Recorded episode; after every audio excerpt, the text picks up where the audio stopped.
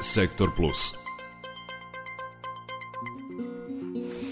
Da, slušali smo Kate Bush u našem prepodnevnom programu, a sada nastavljamo sa rubrikom Sektor Plus, koja danas u fokus stavlja priču o veštačkoj inteligenciji. E, da je era veštačke inteligencije započela upravo na Univerzitetu u Novom Sadu, potvrđuje činjenica da je na konkursu Ministarstva prosvete za izbor novih studijskih programa iz oblasti veštačke inteligencije među čak 70 ponuđenih nagrađen predlog Departmana za matematiku i informatiku Novosadskog prirodno-matematičkog fakulteta studenta. Uslov konkursa bio je profesori sa relevantnim kompetencijama, čak i u svetskim razmerama, a na čelu tima je upravo naš sagovornik, profesor dr. Miloš Radovanović, koji je gostujući u našem programu objašnjavao šta je zapravo veštačka inteligencija, da li će roboti zameniti ljude, zašto ljudski faktor i dalje nije beznačajan i zašto ovo podrazumeva samo na dogradnju svega čime se ljudi bave.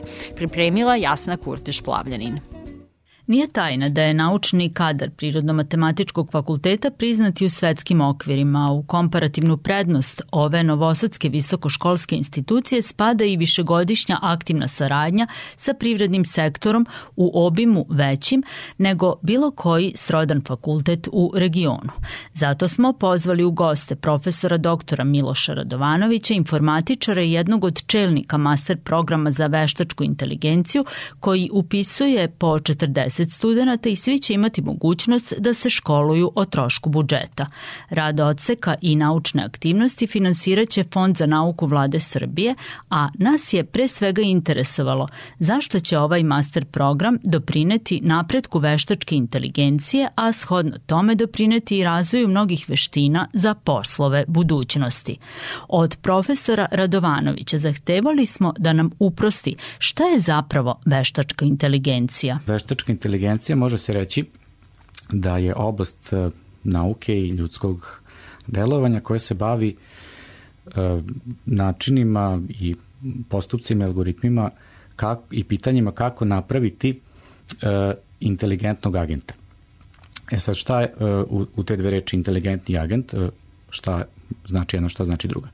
Agent je jednostavno opšti pojam koji se koristi za neki entitet, može biti hardverski, softverski, dakle može biti u pitanju neki robot, manji ili veći, može biti autonomno vozilo, može biti neki kućni aparat, uređaj, tako dalje.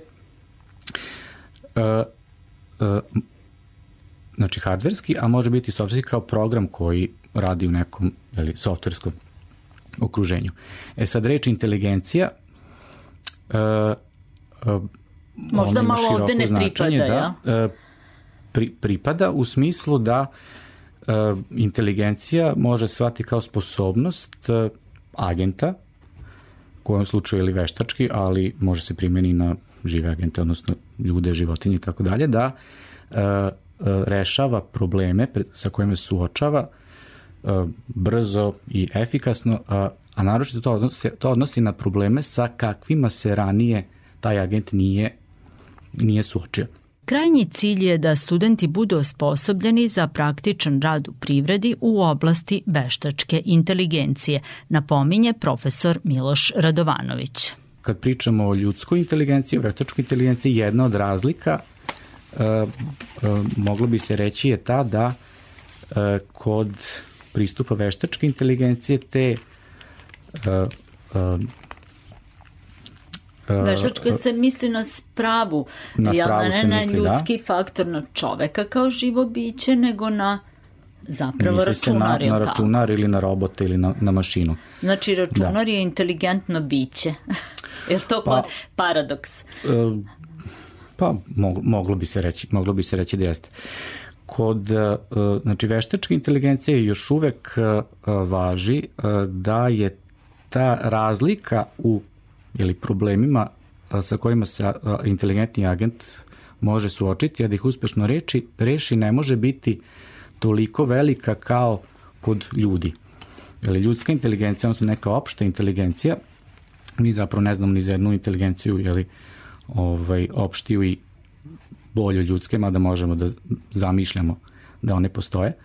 Znači, e, ljudi imaju e, e, još uvek opštiju vrstu inteligencije koja uh, ljudima ili dozvoljava i omogućava da rešavaju uh, probleme koji su mnogo različitiji od onog što su ranije videli od veštačke inteligencije. Interesovalo nas je takođe i kakva je razlika između ljudske i veštačke inteligencije. To je jedna specifičnost veštačke inteligencije da se njene tehnike mogu primenjivati u jako velikom broju, u stvari zapravo u svim aspektima ljudskog delovanja koje, koje možemo da, da zamislimo. Samo je potrebno da je to ljudsko delovanje može neki način da se posmatra, ali tako da se, da se meri, da se izvuku neki podaci i tu već mogu tehnike ovaj, veštačke inteligencije da se, da se koriste. E, e, tako da već sada, recimo u nauci, imamo e, situaciju da pomaci u nekim, recimo, prirodnim naukama e, više, ili bar nekim granama prirodnih nauka više nisu mogući bez upotrebe računara i bez upotrebe zapravo i algoritam veštačke inteligencije koji će u njima ovaj naći uh, neke jeli, nove nove stvari. Profesor Miloš Radovanović kaže da ne bi podcenjivao druge struke što se tiče budućnosti. Treba se možda malo podsjetiti istorije i videti da uh, svaki tehnološki recimo uzlet koji, koji koji smo imali u toku istorije, počeši, na primjer, od jeli, Gutenbergove e, štamparske mašine, pa industrijskih, industrijskih revolucija i tako dalje, pa recimo si, silikonske revolucije u proizvodnji mikročipova i sve bržih procesora. E, ako povučemo analogiju sa jeli, sadašnjim uzletom veštačke inteligencije, e, E, možemo reći da, e, odnosno možemo primetiti da svako tih tehnologija imala svoj neki uspon i onda je došlo do zasićenja i do, kako se kaže, plafoniranja i, mm -hmm. i do mhm. stagnacije. Dostigli, A ne bi se reklo do, dostiglo tako. Bi se, ako... Dostigli bi se neki, uh, neka ograničenja, uh, okruženja, prirodnog ograničenja. Mm -hmm. uh, Prirodnog, da. Da, recimo fizičkih ograničenja, ograničenja fizičkih zakona, na primjer, uh, Mm -hmm. Moj prvi računar kog sam imao, imao je procesor koji je radio na recimo 3 MHz. Moj sledeći 10 godina kasnije imao je 120 MHz. Mm -hmm. To je direktna mera ili uh, uh, brzine na kojoj radi procesor, pa još i arhitektura postaje složenija, tako da taj procesor na 120 MHz nije, nije 40 puta brži od ovog na 3, nego je mnogo puta brži. Na primjer 400 puta. Ni, nisam ni merio. No, sledeći je bio nek 400 MHz, sledeći je bio 1200. A kako vi naučnici i, doživljavate i, taj, taj korak? I do, do poente sam sada stigao. Uh, posle 3000 MHz više, više nema, nema rasta. Već više 10 godina, 15, mm. procesori ne idu preko 3000 MHz.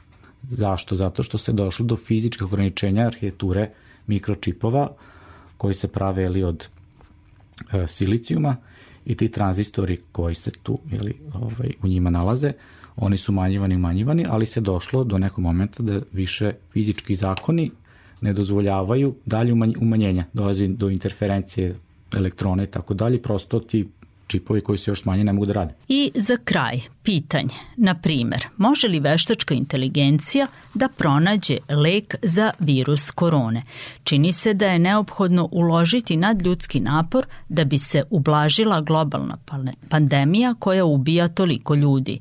Važnost veštačke inteligencije je možda predimenzionirana, ali kada je u pitanju, na primer, medicina, ona se već višestruko dokazala, kažu poznavaoci prilika.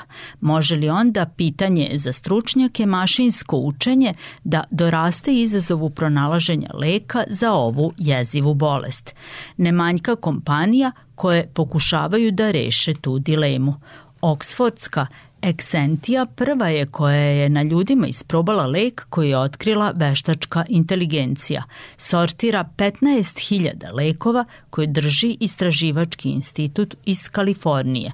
Kompanija iz Cambridgea koju je osnovao kopronalazač Viagre dr. David Brown preusmerila je sistem veštačke inteligencije razvijen da pronalazi lekove za redke bolesti na ovaj konkretan zadatak.